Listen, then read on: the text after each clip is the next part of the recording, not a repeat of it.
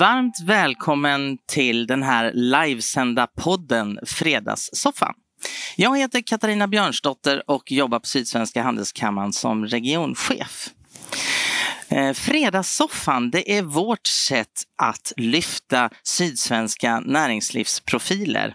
Och tanken är att du som lyssnar ska bli väldigt inspirerad.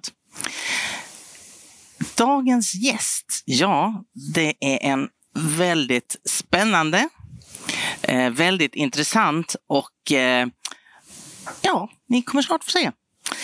En egenskap, ett varumärke, ett familjenamn. Så löd eh, delar av motiveringen när dagens gäst fick Entrepreneur of the Year från EY. Varmt välkommen David Modig från Modig Machine Tools. Tack så mycket. Det tyckte jag var väldigt fint det där liksom. En egenskap, ett varumärke, ett familjenamn. Det knyter ihop rätt så bra. Ja, det var fint. Kan vi börja med Modig? Det är ett gammalt soldatnamn va? Eh, det är det faktiskt. Från Smålandsskogarna. Ja. Så, eh, det är ju, sträcker sig långt bak som du säger, familjenamn, soldater och sen, sen blev det smeder eh, i våran släkt. Så det är järn i blodet ända tills nu. Okej. Jajamän. Fantastiskt. Det var 2020 som du blev utsedd till Entrepreneur of the Year Ja. i Sverige. Det var fantastiskt roligt. Ja. Det var ju en, eh, en ära, får man ju verkligen säga. Hur gick det liksom till? Hur såg processen ut? Ehm, jag blev kontaktad av i eh, EY då Mm. och frågade om jag var intresserad och jag sa jag har inte tid. det var ju det första svaret och sen, eh, sen eh, så efter mycket övertalning faktiskt så, så hoppade jag med. Mm. Och sen fick man ju gå igenom de här regionerna, regionfinal och ja, det var ju två sådana intervjuer man gör då för att komma till, upp till Stockholm. Mm. Och där så var det ju många fantastiskt duktiga företagare och entreprenörer som går in för en jury. Där det är många av de, eh, jag skulle säga ledande svenska företagarna som sitter och eh, bedömer vad man säger. Kan du nämna några som satt med i den draknästet? Ehm, han eh, Bengtsson eh, och Fabian, Fabian. Fabian Mm. Bengtsson och Grimaldi och ja, det var många av de här som man eh, har hört talas om. Så de var väldigt trevliga. Mm. Hur hade du förberett dig inför det här då? Eh, inte så mycket alls. Eh, det var, de var väldigt mycket mer nervösa än vad jag var, de som, eh, som tog med mig dit.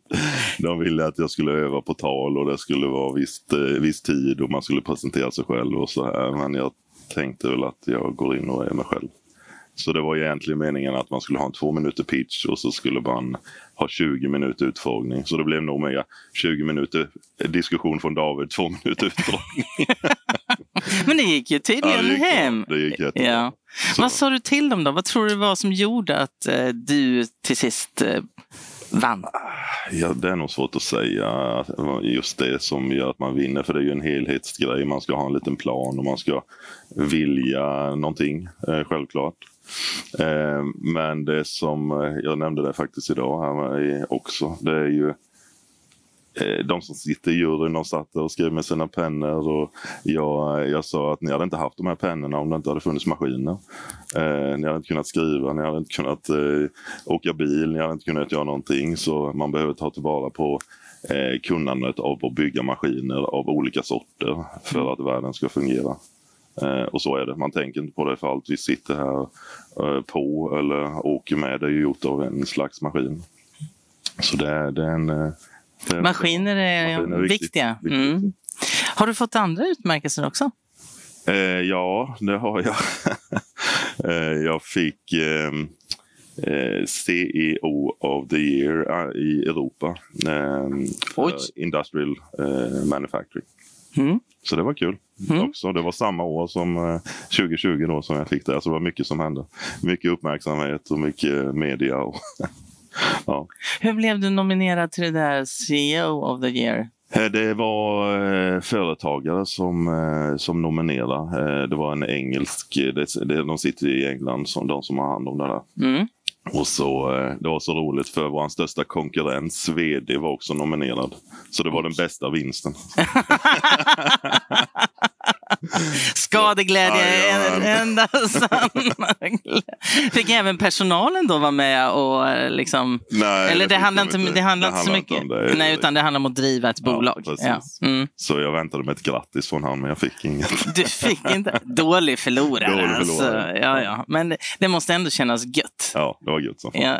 Var. Vad var priset? Eh, ja, alltså det är mer utmärkelse. Och glory man- and honor, ja, liksom, precis, så. Man Ja. får lite diplom och statyetter och allt sånt där. Ja. Um, och det är ju, eh, alltså, Entreprenör of the year är ju mer, um, jag skulle säga var mer glamoröst. Eh, det var ju uppe i stadshuset och det var eh, tusen personer som sitter där och man ska både få och dela ut pris. Så det, var, det var spännande.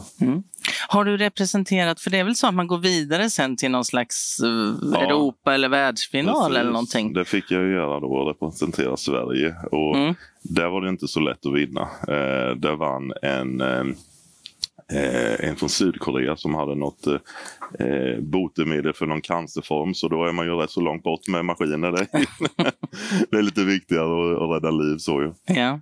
Eh, Men eh, det var lite synd för normalt sett är det ju i Monaco. Det blev ju det här corona då så vi kunde inte åka Mm. dit. Så nu ska jag faktiskt dit eh, i juni eh, med eh, förra årets vinnare också. Eller den som var före mig där. Så Mm. vi åker ner och ska bara vara, visa upp oss att vi eh, finns tydligen. Okej. Inga föreläsningar ni ska hålla Nej, eller inte. utan mer nätverkande Ja, och bygga alltså. kontakter och så. Mm. Ja, Ja. det tar tid men Ja. det, så är det. Har du haft någon affärsmässig nytta av de här priserna som du kan liksom direkt koppla till? Ehm, ja, det skulle jag säga. För det är ju många som blir intresserade av bolaget. Det var ju mycket runt med det här med media och folk Mm. blir intresserade av eh, vad vi håller på med. Mm. Så det är ju, man får ju mycket, man kanske skulle få lite lättare att rekrytera, det skulle jag säga. Mm.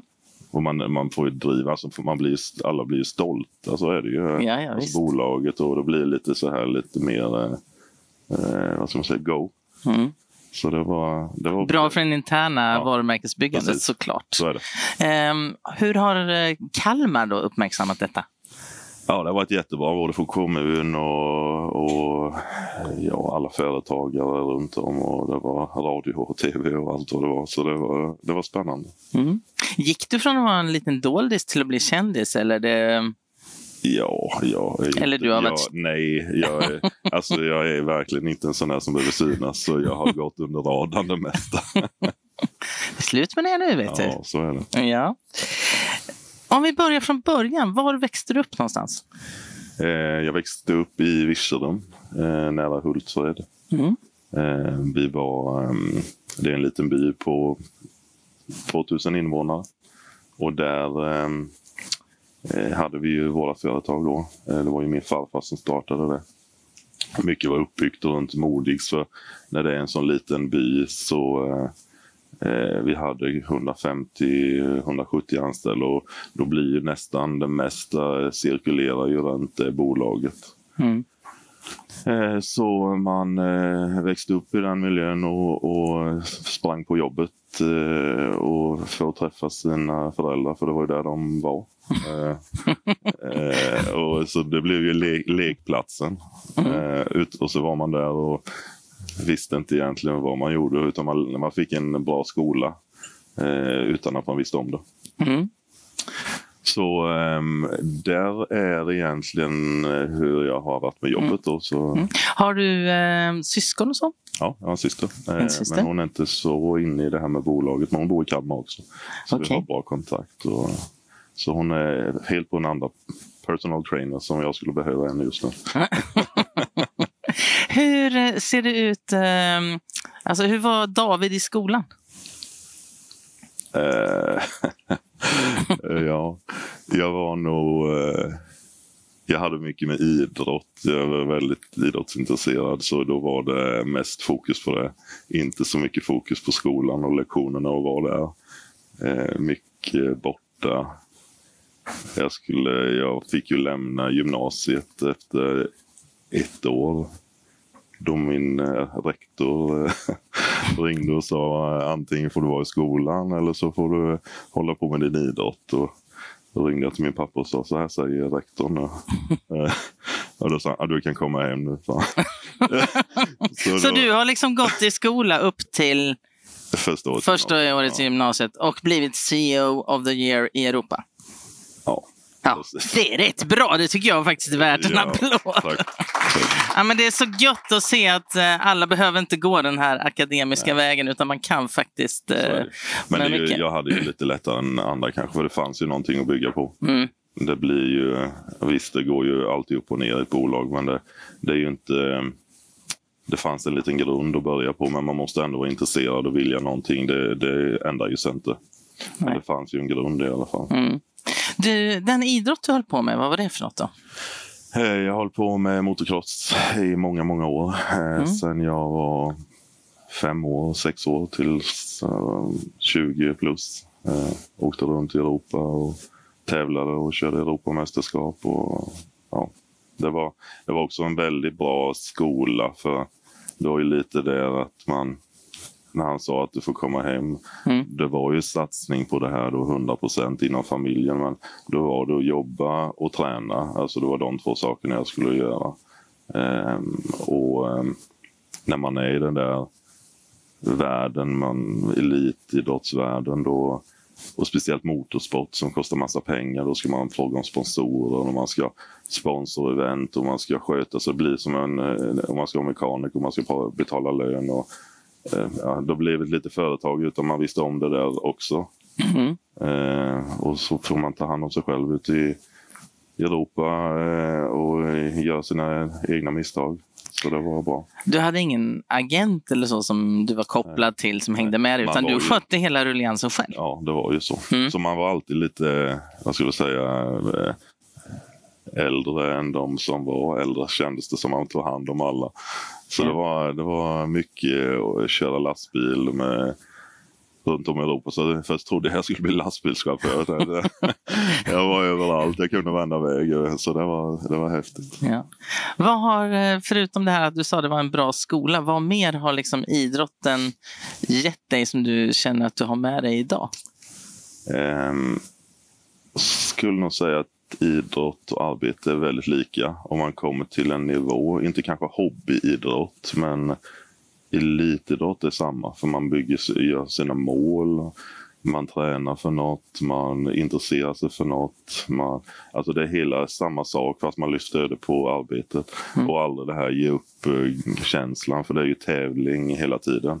Är det det på jobbet nu också? Alltså, det är lite tävlings... Det skulle jag säga är nog väldigt tävlings... eh, Jag har svårt att, att släppa ehm, om man sätter upp ett mål Mm. eh, och inte komma dit. Det blir väldigt jobbigt då. Då mår jag inte... Alltså det, blir, det finns inte så mycket annat, det är bara det som gäller. Mm. Så det är väl, eh, det skulle jag säga, det hjälper och eh, stjälper. Vad tycker de runt omkring dig när du är så liksom målfokuserad? Eh, Alltså min sambo, vi har varit ihop i så många, hon är 15 år, så hon redan då så var jag ju lite sån. Så hon har, vi har jätte, det funkar jättebra. Men andra som man inte känner mig kanske skulle tycka att eh, varför jobbar du jämt? Varför gör du det? Varför gör du det? Och, alltså, och för mig är det inte jobb. Alltså jag, det här är ju hobby. Så man kan ju säga att jobba, men det gör man ju inte egentligen. Det är en livsstil Ja, liksom, som du har vuxit in Ja. i. Eh, vad drömde du om att bli när du var... eh, Var det liksom eh, motocrossstjärna eller det fanns andra drömmar också? Ja, jag tänkte ju inte jag skulle hålla på med eh, maskiner. För eh, det var... eh, min mamma och pappa är skilda och när jag bodde med min pappa då var alltså, han jobbade jättemycket och så man var man på jobbet och så bara massa bekymmer jämt och fick resa och sitta på möten och konferensrum och Boeing hit och Airbus dit och man satt när man 12-13 år i de här jävla konferensrummen. Och jag tänkte fy fan så tråkigt det. Ska jag aldrig hålla på med det här.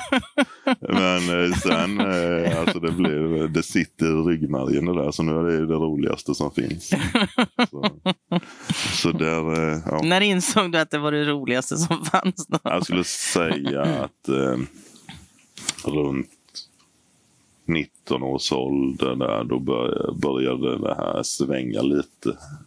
Eh, I huvudet i alla fall. Vad var det egentligen som hände då 2020 där som gjorde att du fick liksom att du blev så uppmärksammad och både vann EYs pris och även det här CEO i Europa? Vad hade liksom hänt? Det måste ju ha hänt något innan där som gjort att ögonen... Alltså, jag vet inte om det hände så mycket. Det, jag, jag vet inte om det var något speciellt. Jag Tog er liksom bara- resa raketfart? Ja, eller det var alltså, det liksom... gjorde det väl också. Alltså, vi, men det var med mening. Vi höll tillbaka med mening i många år för Mm. att göra rätt, skulle jag säga, från början. Mm. Och det drog iväg eh, väldigt snabbt eh, då. Men jag skulle inte säga att det var därför man... Det blir ju när det blir uppmärksammat och man får fler kunder och man har andra anställda. Och det blir att det sprider och någon säger att ja, men det här på Modix, det var, de är duktiga och så. Jag vet inte. Det sprider sig bara. Häftigt. Det är häftigt. Ska vi prata lite om företaget? Ja? Mm. Kan du berätta lite om historien? För ni har ju hållit på i ja, det är drygt eller det är 75 år, va? Ja, precis. Är det 75-årsjubileum i år? Eller vad? Ja, det är det. Ja, Ja, så nu ses jag inte. jag är 47, Ja, det tror jag. Ja, precis. Mm. Jo, det, det blir 75 år. Så det var ju Mm. min eh, farfar med bröder som startade bolaget eh, i Virserum. Där gjorde vi maskiner för möbelindustri, eh, svarvar. Vi- Virserum var känt för sin möbelindustri på den tiden. Eller då började renovera maskiner och sen skulle de då eh, tillverka maskiner. Och min farfar köpte ut sina bröder och ja, på den tiden så, så var det var ju lite annorlunda. Där jobbade alla modig i bolaget. Mm. Eh, och sen eh, gick min farfar bort eh, 65 och min, då var min pappa 14 år. Då var det min farmor som tog över bolaget. Var det hon som var Ulla? Ulla, ja. Ja, för jag läste någon sån här, eh, googla lite och så Ja. hittade jag en artikel. Det stod så här, mekaniska mamma Ulla. Just det, så var det. Det var ju väldigt ovanligt då på den Ja, tiden. ja. Eh, hon kunde varenda skruv och, och hur man satte ihop maskiner. Och, och, det var lite unikt skulle jag säga. Mm. Och sen eh, dog hon 78. Eh, så jag har ju inte träffat mina, mina eh, farmor och farfar. Men jag har ju fått läsa mycket och höra. Höra och då tog min pappa över. och så drev han det fram till 2010 någon gång. Eh, när han lämnade över det till mig. Men han är fortfarande kvar i firman. Så. Mm. Fantastiskt. Mm. Boll, bollplank fortfarande. Vad ser du som, alltså vad är det för fördelar med att, att vara i ett familjeföretag? Ett, eh, Mm. Jag skulle nog, alltså det blir fördelar. Ja, det, man pratar jobb hela tiden, jag vet inte om det är fördel. Men, nej, nej, men man intresserar sig på, kanske på ett sätt som eh, man har det mesta i bolaget så blir det ju, det är ju ens liv. ja. Vad är nackdelarna då? Det är väl egentligen samma, skulle jag säga. eh, man släpper inte så lätt det man gör och eh, man har nog svårt att slappna av, skulle jag säga. Mm. Nog. Berätta, vad, vad är det ni gör? Vi bygger eh, maskiner, eh, datastyrda maskiner som eh, kunder köper för att tillverka olika detaljer. Eh, det kan vara i bilindustri eller flygindustri, mest är det flygindustri. Eh, men det som är modernt nu är ju elbilar, så många köper våra maskiner för att tillverka eh, batterilådor. Eh, alltså där Det låter ju som att eh, ni köper ett en sånt här plastbatteri. Det är inte det, utan en stor plåt med man fräser massa hål och, och sådär. Mm. Så eh, just sådana maskiner köper de då. Väldigt, väldigt, väldigt noga och eh, noggrant. Man pratar, alltså nu är det tekniskt språk, men ni alla vet ju vad en millimeter är och en tiondel säkert också. Men eh, så delar man det på tio så är det hundradel och så delar man det igen så är det tusendelar. Vi pratar tusendelar i våran värld. I precision? På, Precision, ja. mm.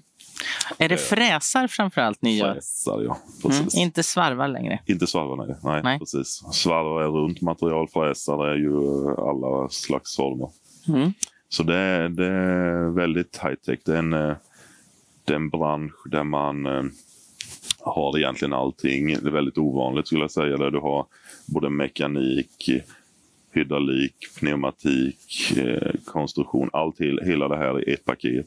Det finns ju jättemånga bolag som är duktiga kanske på el men de vet inte något om hydraulik och sen vice versa. Men här ska man då sätta ihop allting till eh, någonting som ska fungera. Eh, och eh, det får man vara lite eh, tusenkonstnär skulle jag säga. För att klara av. Ja, det är Mm. väldigt, eh, vi har ju inte så mycket sånt här. Vi är de enda i Norden kvar nu. Mm. Så det är lite tråkigt. Jag tänkte på det, eh, just det här, det gick ju från att vara riktigt bara mekaniskt egentligen väl. Ja. När liksom tog det fart och blev liksom så här avancerat med så många discipliner i, i en maskin?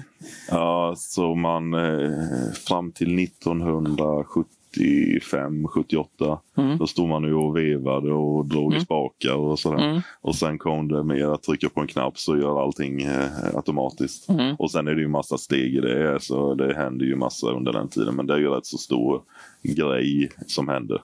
Mm. Att man istället för att veva står och trycker man på en knapp då. Eh, och nu är det ju, nu för tiden så är det ju mycket hur, hur snabba kan man vara och inom snabb och ändå kunna klara av att köra den här detaljen tillräckligt noggrant till kunden. Mm. Och då är det, det är egentligen som att ha en racerbil och köra runt en racerbana. Går det för fort i svängen då sladdar man ut och kör man för sakta då, då, ja, då går det för sakta. Mm. Och det är egentligen samma med, bi- med det här fräsmaskinen man fräser och det ska, man ska ha en dynamik i, i maskinerna. Typ bilracing. Mm. Har du koll på alla de här eh, delarna med elektronik och pneumatik och hydraulik och sånt? Kan du liksom allt det? Alltså allt, ingen kan allt ju. Nej. Det är ju så. Eh, Men jag kan nog det mesta skulle jag säga. Det jag är Mm. sämst på är ju elektriciteten och där behöver man ju ha lite där vet man inte riktigt vad som händer inne i sladdarna. På mekaniken då kan man se om någonting inte fungerar. Ja. Så där är lite svårare. Mm. Ni har ju faktiskt eh, gjort en liten revolution eh, och tänkt, och det har varit din idé. Du får gärna Ja. berätta om den. Inverted Machines som faktiskt vänder upp och ner på hela tänket vad det Ja. gäller. Det är nog inte så unikt för de som sitter och lyssnar nu. Det är väl jävla tråkigt det det, alltså det är egentligen att man, eh, man fräser eh, upp och ner och det finns massa, massa fördelar med det här då för Så istället för att fräsa ovanifrån så ja, fräser eller man... framifrån, eller fräser framifrån. man upp och ner så här då. Så, Ja. eh, och det, det finns, det är en massa utmaningar med det men eh, när man väl klarar av det så är det ju så många fördelar. Mm. Eh, och det patentet det har vi nu där vi eh, försöker eh, trycka ut den här nya maskinserien eh, som kommer ut i februari. I februari. Ja, Mm. Första maskinen i februari. Ja. Vi, vi lanserar nu då, eh, för, vi har ju modeller på allting men det är ju verkligheten som är det roliga. Mm. Är allting standard? Liksom, det finns olika varianter? Eller man kan också... eh, Ni specialanpassar mycket till de olika bolagen som köper Eh, jag skulle säga att våra, tittar man på man kan säga, ni har ju haft Koenigsegg här då. Eh, Mm. Vi är lite så Koenigsegg i maskinvärlden. Det, det kostar mycket. Eh, de är jävla snabba och så vidare och så vidare. Mm. Men eh, man, eh, man får nog tänka sig att eh, det vi håller på med, då får man... Vi vill ju tävla om tiden runt racerbanan ju. Mm. Och det, är ju det, det gör ju Koenigsegg med snabbaste bil och sen starkast och så. Mm. Och då blir det ju dyra komponenter, specialgjorda kanske komponenter för just den eh, bilen eller maskinen. Mm. Och i våran värld är ju det standard. Men de som bygger Volvo, de tycker det är special. Mm. Så för oss är det ju standard och för Koenigsegg det är ju deras liv. Mm. Så eh, där är det nog, eh, för normala människor är det väldigt special men för oss är det nog lite normalt. Hur är det, alltså, vad är det för fördel det här med, du sa att man vinner mycket på att köra underifrån istället för framifrån och ovanifrån. Ja, det, är ju, det börjar bli väldigt tekniskt. eh, alltså material, man, man får ju en stor klump av någonting, järn eller aluminium och det ska Mm. fräsas ur massa material. Och det ska ju tas, flyga iväg någonstans. Och när man fräser så så hamnar det in i biten, nu ramlar det rakt ner och på grund av det så kan maskinen vara mindre och så blir den snabbare för att den är, alltså om man jämför och bilar brukar, det är så mycket lättare för de som inte kan maskinen. Mm. Det är ju att man kanske Eh, vi har en annan chassi, ett annat chassi och då går det att köra mycket fortare och så. Så det, det är väldigt på det tekniska. Det är inget roligt att sälja in den här skulle jag inte säga. Det är ingen som skulle skit, alla skiter i det. Så. ja, det, det, Men eran USP, det är, liksom, är det snabbheten och precisionen skulle du säga? Ja, all, för alla som köper en maskin vad den är. är det någon mm. som bygger Ikea möbler eller någon som fyller flaskor eller någon som... Eh, alla maskiner räknar med vad kostar varje detalj som kommer ur maskinen. Mm. Och då är, det ju, då är det ju pris per detalj. Mm. Och det är det man måste kämpa efter hela tiden. Mm. Så då är det ju snabb och det är det och det och det. Men det slutsumman är någonting när mm. det trillar ut om mm. man säger. Mm. Vad kostar en sån här maskin? Eh, den billigaste kostar 10 miljoner, den dyraste kanske 45 cirka. Hur ser en affärsmodell ut? För jag vet Koenigsegg, deras, eh, det är ungefär i den prisklassen ja, också. Precis. Deras billigaste ja, kostar 10 och ja. sen är det liksom 40-50 miljoner. Så här. Och de har ju så att kunderna betalar Förskott. Ja. Förskott. Och sen så när de har kommit en bit i processen betalar de lite till så. och sådär. Så bilen är nästan slutbetald när den rullar ut ja. ur, ur fabriken. Så är det hos oss med. Vi har ju eh, ofta betalningsvillkor 30 procent eh, vid order, 30 procent när vi får de stora detaljerna som är dyra. Mm. Så 30 procent när de kommer och tittar på maskinen att den är, funkar. Och sen när den är sista då 10, det är när den står på deras golv och det fungerar. Så det är egentligen 10 procent som ligger kvar då innan mm. man levererar. Mm. Det måste vara rätt tryggt att veta. Eh, ja, det är ju en, det är ju en cashflow. Eh, det är jobbigt med cashflow i en sån här affär, mm. affärsmodell mm. som vi har. Så det måste vara så. Mm. Maskinerna eller materialet är så dyrt så ligga och vara bank åt en kund. Det är ju, funkar inte, funkar inte så bra. Eh, och sen vill man inte vara bank åt bolag som är 50 000 anställda, då kan man ju tycka att ni har nog pengar att betala det i alla fall. ni är ju en global spelare ja. idag. Och ni har vuxit eh, mycket genom förvärv vad jag förstår.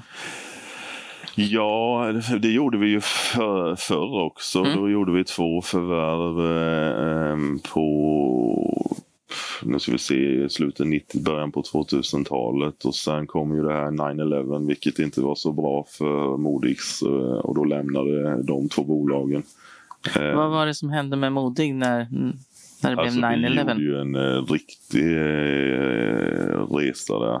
Eh, då var vi, var närmare 200 man och eh, fick inte en order på 16 månader. Eh, vi hade ju allting i flygindustrin då. Okay. Eh, och eh, allt var till civilflyg och allt var till USA. Så det var, det var godnatt. Det var, det var tufft. Vi hade en bra orderstock som mm. sträckte sig en, en bra stund och man tänkte inte på så mycket på det då. Nej. Men efter 16 månader och stå och skotta pengar i sjön. Det, det var tufft. Vi gjorde rekonstruktion och det var det ena och det andra. Och så blev det konkurs eh, och vi startade upp direkt efter konkursen igen. Eh, så för den konkursen var väldigt bra. Egentligen var ju det det enda året vi har gått minus, men då går det ju, eller de åren, mm. då var det riktigt minus om vi säger så. Mm. Eh, men den skolan att gå igenom, den är inte så många som får vara med på. Nej. Vad lärde du dig? Ja, fy fan, det går inte att beskriva allt man lär sig när det, när det inte finns pengar och det inte finns folk och det, man ska vara överallt. Och, och kämpa för att bevisa för att man ska överleva och få, få kunder att tro på att det inte är någon fara. Och så. Det är bara... Den är nog den bästa skolan någonsin. Mm. Så där, där har jag nog mer med mig än vad jag hade från någonting annat. Ta hand om pengarna och inte göra mer än att ha rätt kostym på sig, om man säger så. Men hur gjorde ni för att bygga upp ett förtroende igen? För det är klart, har man, har man en konkurs bakom sig så kan ja. det vara lite naggat i kanten. Så var det ju. Det tog mm. en stund innan, eh, men vi hade ju väldigt lojala kunder där med Boeing och, och eh, som hade jättemycket maskiner för miljarder från oss. Och, eh, de ville ju inte heller att det skulle inte finnas support till det de hade. Så det blir ju att de kommer och frågar hur är det och går det bra och du vet. Och sen drar det igång och sen är det glömt efter ett par år. Sen är det igång igen. Men sen, alltså man tycker det är ju helt otroligt. Lilla Virserum, ja. det är ju liksom som du sa 2000 invånare som det var då. Och sen har ni liksom Boeing som kund. Ja. Hur gick det till överhuvudtaget? Ja, det var nog faktiskt Saab i Linköping som hjälpte oss med det. Ehm, vi, när vi kom in i flygindustrin, det var 88, mm. då var det med Saab Linköping. Och eh, jag skulle säga utan dem så hade det nog varit svårt att vara där vi är idag.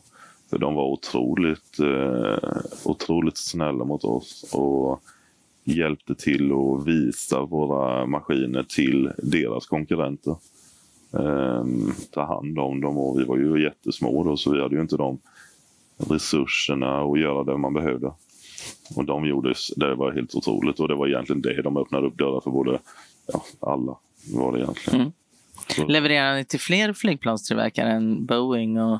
Ja, jag skulle säga att alla flygtillverkare har Modix maskiner idag. Okay. Så eh, det vi levererar mest till är ju de som bygger eh, 737. Det är ju de här eh, Ryanair-storlek mm. plan. Mm.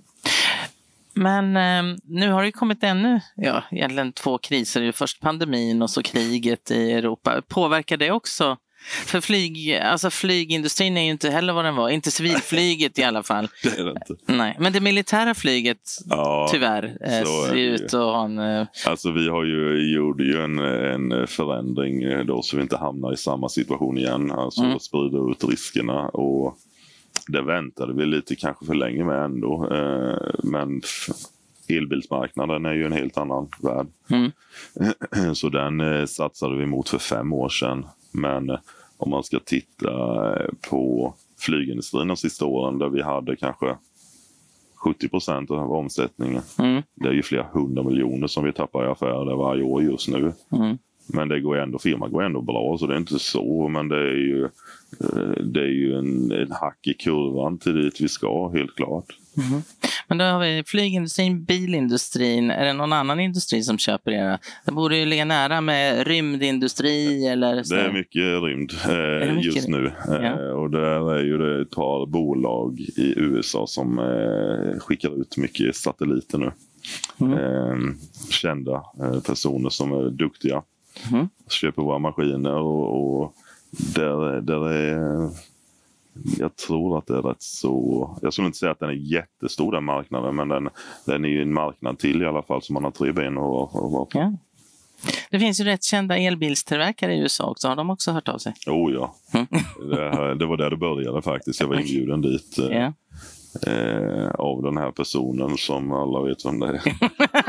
eh, och, eh, är han så visionär och häftig? Ja, jag som fick man... aldrig träffa honom. Jag trodde det, jag hoppas det, men så du fick inte det? Nej. men eh, det, var, det var där långt innan det började med elbilar någon annanstans där de visade upp eh, hur det här kommer se ut. Och det var egentligen då jag såg att det här passar våra maskiner. Mm. Och då gjorde vi det och rycket emot elbilsmarknaden som nu är Ja, nu är vi ju inte ens att skrapa på ytan så den här världen kommer att bli otroligt stor. Mm.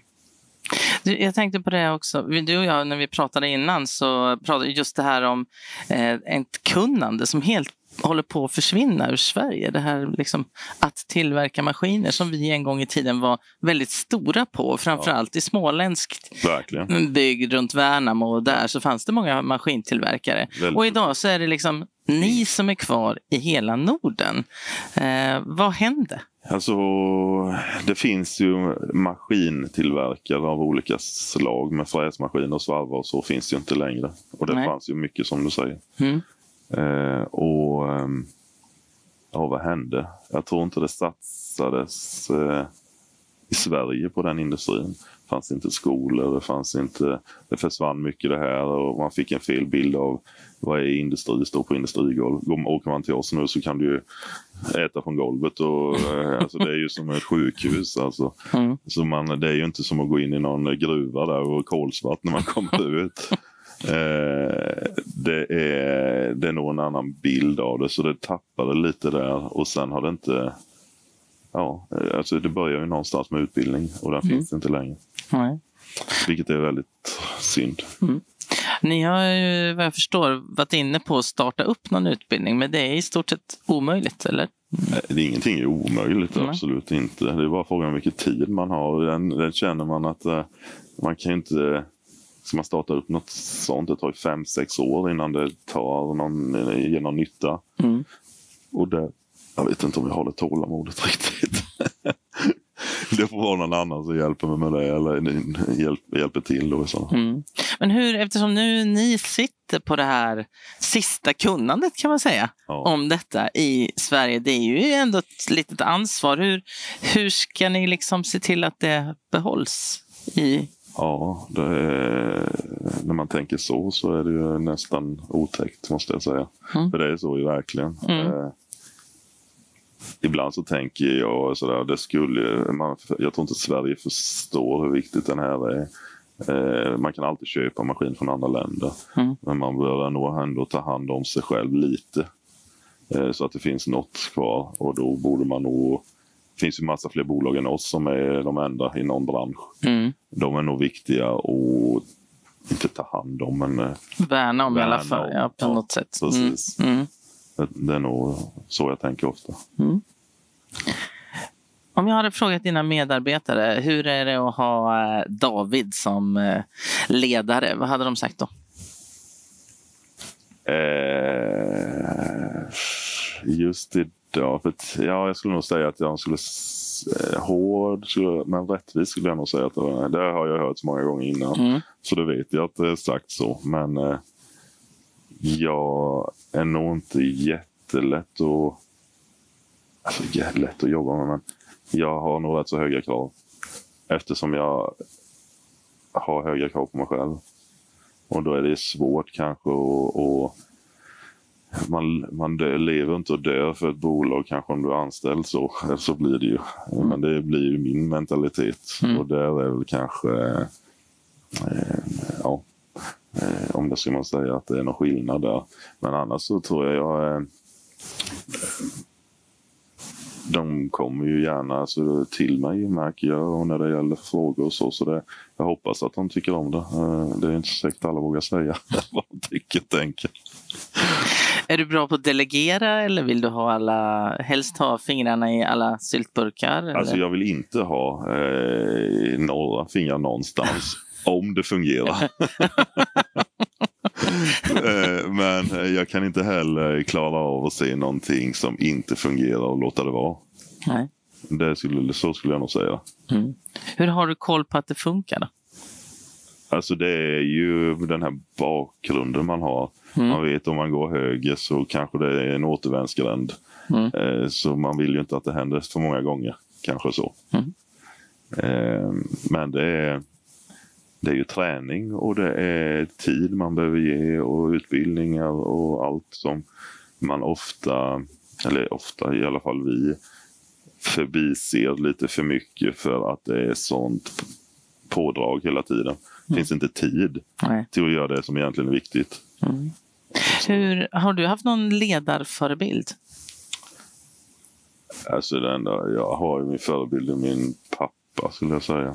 Mm. Eh, när det gäller det företagandet. Men Sen har, jag, sen har man ju självklart i idrotten då har man alltid sett upp till någon och tycker de var duktiga så men annars inte. Jag är nog rätt så low key så. Jag tänker inte så mycket på någon annan. Alla får göra vad de vill. Jag, lite så. Men hur tänker du när du bygger team? Det är ju viktigt att... Ja, man får nog, alltså det viktigaste tycker jag när man bygger team det är ju att ha engagemang och även eh, få in i alla fall några som kan vara driva på. Mm. Vara ledande. Och, alltså, för det blir ju lätt att bilda team. Eh, Man kan ju inte ha ett team som inte vet vad de ska göra. Nej. Och inte gissa det. Visst, man kan ju lära sig men det tar ju väldigt lång tid så man behöver ju någon som ja, som blir lite pappa tycker jag. Och sen teambuildingen är ju viktigt. Alltså det går inte att ha någon som står där och pekar med hela handen utan det är ju Ja, ni spelade padel här för ett tag sedan. Hur gick det? det gick så, Du, jävla, det gick så jävla dåligt. Jag förlorade varenda match. det var säkert, var inte det liksom schysst personalpolitik? Och, Det hade aldrig hänt. Alltså sånt kan jag inte förlora. Det där var jag så sur på det så nu ska jag börja spela padel. Det var min första gång så jag skyller på det nu. Men nu ska jag börja spela padel bara för det. Men du är squashspelare? Ja, det har jag spelat mycket. Ja. ja. Och det borde ju vara en extrem fördel när man spelar padel. Precis. Det, det är ju väggar och du ska banka in i dem. Alla och sånt. trodde ju att det här var ju, jag var sämst med. Det var ju perfekt. Men det är väl härligt att kunna bjuda på det? Ja visst, de tyckte det var jättekul. du gick hem och... Ja, jag gick hem och funderade, kollade på, på rack och sånt där. Hur de, hur de servade. Och... det var ju många YouTube-klipp. Ja, det var verkligen på... många. Ja. Men det är bra, det finns ju förbättringspotential. Oh, den är oändlig just där. Lite kort om framtiden också. Vad har ni på gång nu? Ni har, nu ska ni lansera de här inverted machines som är lite ja. revolutionerande i branschen. Då. Men vad ser ni? Ser du många företagsförvärv på gång och sådana ja, saker? Ja, det gör jag nog. Eller nog. Mm. Det är ju, vi, vi håller på med det och mm. vi, vi vill ju växa bolaget. För om man tittar på våra konkurrenter är vi ju minst. Alltså ett sånt här bolag som håller på att bygga maskiner, de är ofta minst ett par tusen anställda. Hur många är ni? Ja, vi är inte mer än hundra nu, så det är ju, menar, det är ju vi är mm. som städbolaget i de där små... så det, så det, blir, där är ju fighten just nu, att man ska komma upp kanske i nivå runt 400 i alla fall. Mm. Behöver man nog vara för att kunna hävda sig lite. Mm. Och då är det svårt att göra det kanske bara att växa i Kalmar och så här. Så vi håller på att titta på bolag i Belgien nu som vi nästan avslutat och vi, vi tittar på bolag i USA som vi eh, hoppas att vi kan eh, ha ett avslut här innan året är slut. Eh, vi har satt upp ett kontor i Tyskland nu där vi försöker få folk eh, från branschen. Eh, nu är det inte mer än fem, fem stycken som är där, men det är ju, det är ju där det börjar. Någonstans börjar det ju. Mm. Är det ingenjörer då ja, ni mm, precis. Mm, jagar? Och, eh, vi har precis gjort färdigt vårt eh, demo, eh, var en demo eh, huvudkontor i USA får man säga. Va? Och det har det lagts en väldig massa pengar på att bygga det och, och sätta in maskiner. Och, så det, det, är många steg för det, det är som jag sa innan, jag har alltid en plan mm. eh, för vad vi ska vara om man säger så. Och för att komma dit, när han har treårsplan och man har femårs och allt vad det är. Men om man ska ta en femårsplan för att komma dit jag vill så behöver det nog Eh, eller nog, då behöver de här sakerna ske. Mm. Vi har fått lite frågor från publiken också. Mm. Eh, vi ska se här, den tar vi lite senare. Eh, I och med utmaningarna du nämnde innan med att hitta rätt kompetens i framtiden så är det viktigt att behålla sin personal. Hur jobbar du med det? Eller ni? Eh, vi jobbar för dåligt med det, helt ärligt. Eh, vi skulle behöva ha mycket mer internutbildningar och skicka folk till eh, konkurrenter kanske som är inte konkurrent på det sättet men som, så, så att de ser eh, visionerna och inte bara lyssnar på mig. Eh, och får möjlighet att växa eh, i olika positioner. Jag tror vi har en rätt så bra bild på vad det behöver vara. Men sen att implementera har när du växer och, och gör alla saker runt om då, då tiden prioriteras kanske inte på alla ställen där det borde. Mm. Tyvärr. Hur ser karriärstegen ut inom företaget? Liksom? Från första rollen till att sen ta över din roll? Ehm, den eh, ser nog rätt så bra ut skulle jag säga. Vi pratar ju ofta med dem vad de vill eh, och vad de känner. Och Många får ju en, eh, i ett lite mindre bolag så är det ju så att eh, man ser ju alla på ett annat sätt ju. Mm. Och där eh, man ser ju också vem som är, är villig att göra det lilla extra och kanske är intresserad. Och det blir på automatik då att ja men du nu, nu, nu kan du väl göra det här eller vad säger de, gör detta. Och då, det blir bara automatiskt det här. Så det är inte, det är inte så storbolagsaktigt. Det är ju inte så stort så då, då blir det ju inte det här hierarkiska riktigt. Nej. Så det är egentligen bara hur kommer man uppåt hos oss. Det är ju att och kämpa och göra ett bra jobb egentligen. Då blir det automatiskt så. Mm. Hur tycker du att man ska locka unga till industrin? Eh, skola, eh, utbildningar där man ser maskiner i action på kanske universiteten förstå sig på det här för det är ju rätt så coolt. Eh, många som tycker, de som kommer, det kvittar ju om det är tjejer eller killar, gamla, unga. De tycker det är skithäftigt att se att en, en klump i järn ser ut som, jag vet inte vad, när det kommer ut. Mm. Och allt det här processen runt om. Så det måste man få in tidigt tror jag. Vi kan ju inte vara ett öppet hus för det. Alltså det måste någon annan ta det tror jag. Så skolorna är, är nog jätteviktiga. Mm.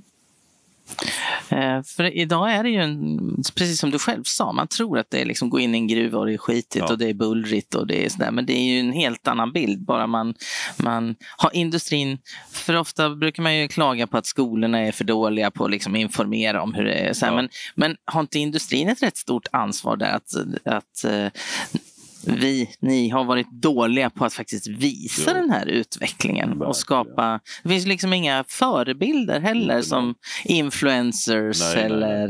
Nej, nej, den här branschen är ju lite vad ska man säga, just i det är vi ju lite gammalmodiga. Vi är längst fram i high tech. ja, precis. Men vi är Jättecoola lite längre ju. bak i det du säger. Ja. Så det, det borde ju... vara något så här, bonde söker fru, hela Sverige ja. bakar. Liksom.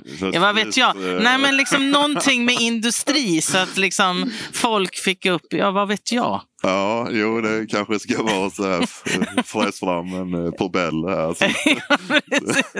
ja, får Hela Sverige fräser. Ja, det. det hade varit något. det hade varit något, ja. ja nu har vi skapat ja, en ny affär. Är du med? Ja, jag är med. Absolut med.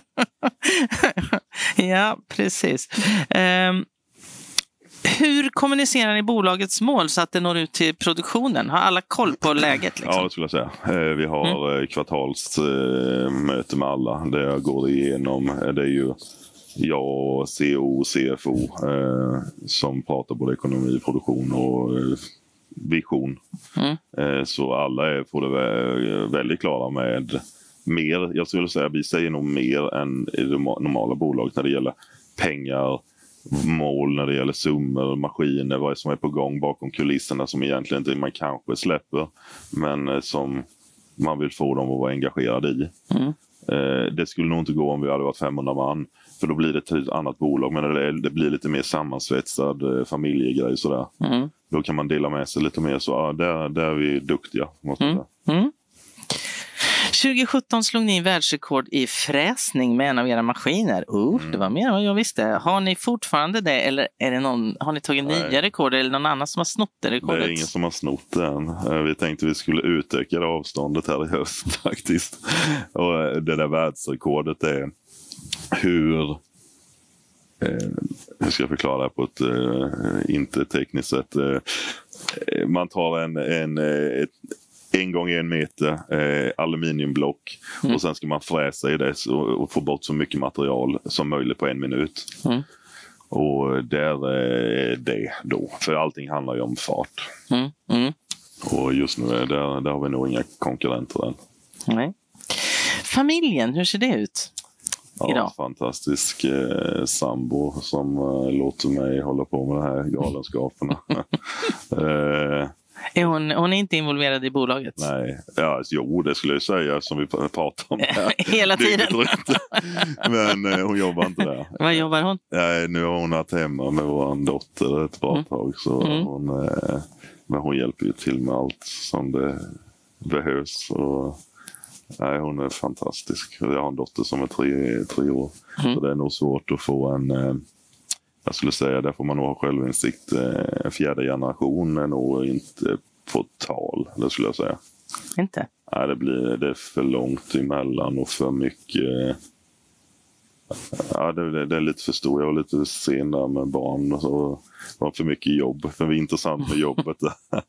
så det, det, tänkte man inte på då, men nu Nej. är det nog så att det, det är lite för långt avstånd. Finns inga kusiner eller eh, sådär i modisläkten som Nej. skulle kunna?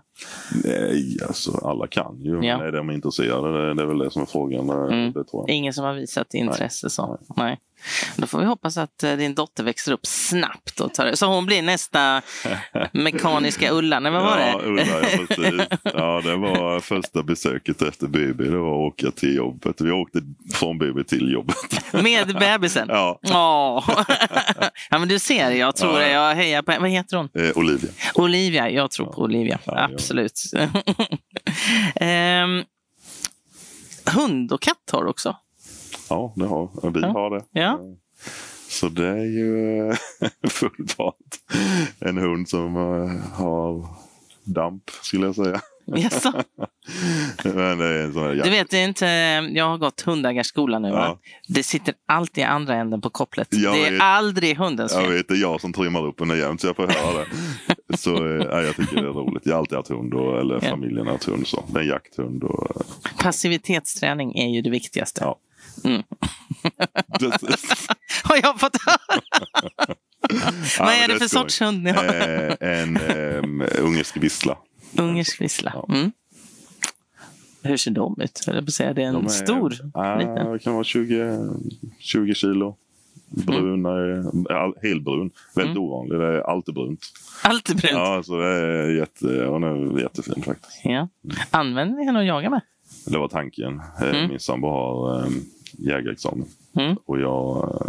Äh, det blir inte bara tid. Det, du vet hur blir man. Sällskap nu. Mm. Sov i sängen, hund.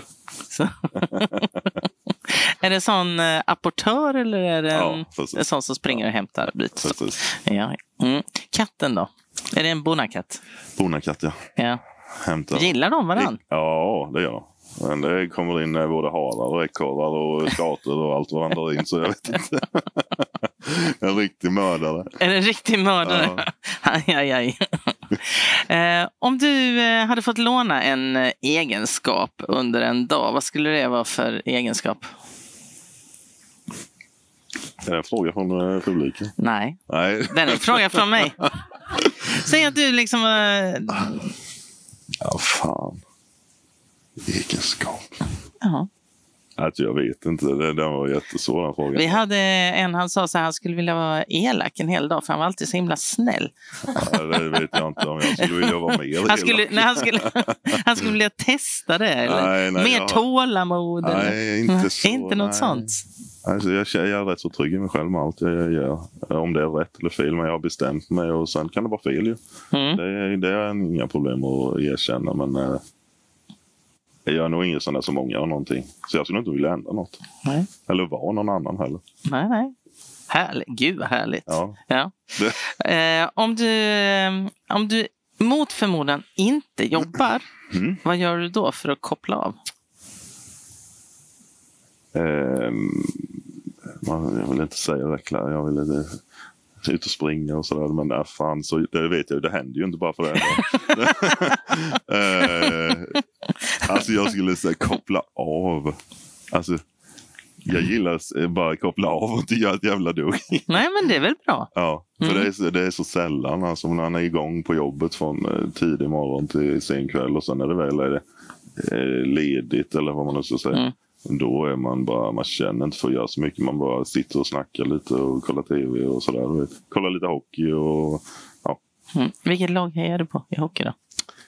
Jag gillar underdogs. Så nu är det Oskarshamn uppe i, nära oss. Oskarshamn, ja, ja ja. De var ju duktiga. Ja, de är bra. Mm, de... Så det, är, jag gillar det. De ställde till det lite för Rögle här. Ja, ja. fan också att det inte gick hela vägen. Det var ju tur att det inte, inte gick. alltså, ja. Vad drömmer du mest om att få uppleva? Eh, just nu är full fokus på att uppnå mina mål. Mm. Det är nog det som jag tänker på hela tiden. Och vad är liksom målet om du kan om du får säga det? Eller alltså, det jag skulle nog... Alltså, det är ett bolag som är någonstans mellan en och två miljarder i omsättning. Och sen är det ju tusen andra saker som ska hända där med mål, med, med vinst och folk och kunskap. Och, alltså, men det, jag har allt. Jag är väldigt så här, bam, bam, bam, bam.